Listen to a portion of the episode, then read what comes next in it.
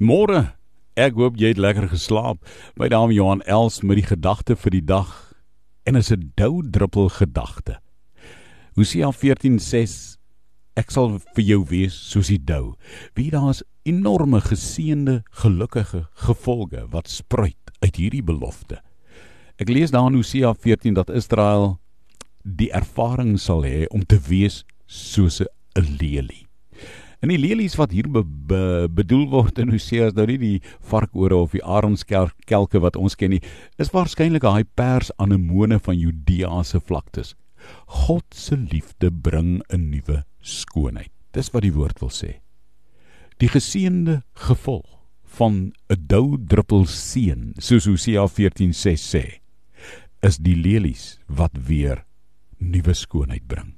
God se liefde trek vir jou 'n nuwe mooiheid aan, 'n nuwe skoonheid. Hosea 14 sê dat die gelowige se lewe vas is. 'n Gelowige se lewe is 'n mens wat 'n sekere mens is, nie van homself nie, maar van God en sy belofte.